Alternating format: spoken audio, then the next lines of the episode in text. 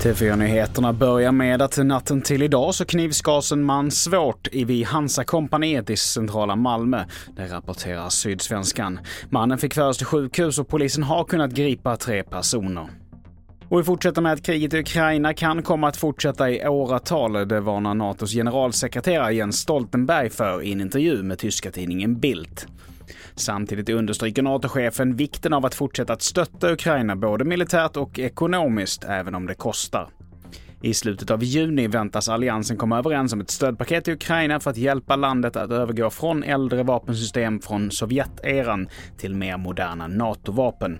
Och till sist, stora delar av Europa lider av extrem värmebölja. Och i Spanien och Frankrike så har det slagits värmerekord i en del regioner. Hettan kommer med varma luftströmmar från Afrika och via Spanien har den brett ut sig över Frankrike.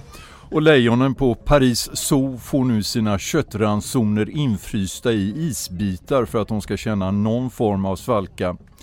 Även i Tyskland har det varit ovanligt varmt för årstiden med drygt 30 grader på flera håll och det har naturligtvis lett till att utomhusbaden varit mycket välbesökta. Fler nyheter hittar du på tv4.se. Jag heter Mattias Nordgren.